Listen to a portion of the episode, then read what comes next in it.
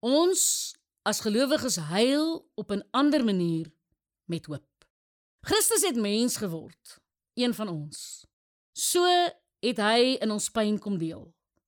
Ons Here het vir ons ewige hoop gegee. Dit was toe hy die dood en die doderyk oorwin het.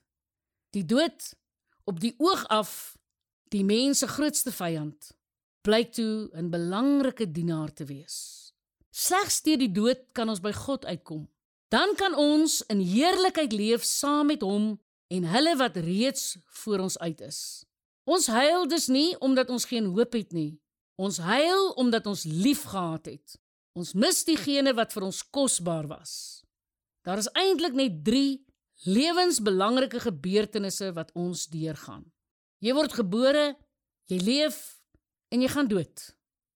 Wanneer jy van dood hoor, is jy as mens omgegooi. Dit laat jou rou en seer en soort van nêrens in die oomblik. Tog is dit die belangrikste dag wat in gelowiges se lewe aanbreek.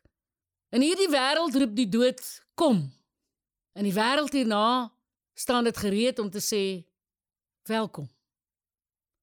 Wat gebeur wanneer jy dus vir iemand finaal hier op aarde totsiens sê? Dis eintlik op 'n manier daardie persoon se gradedag. Vir die ongelowige is hierdie lewe al wat daar is. Daarom is dit natuurlik dat mense tydelike dinge soos materiële sake soek. Dis natuurlik dat hulle agter gewildheid en mag en prestige aanjaag.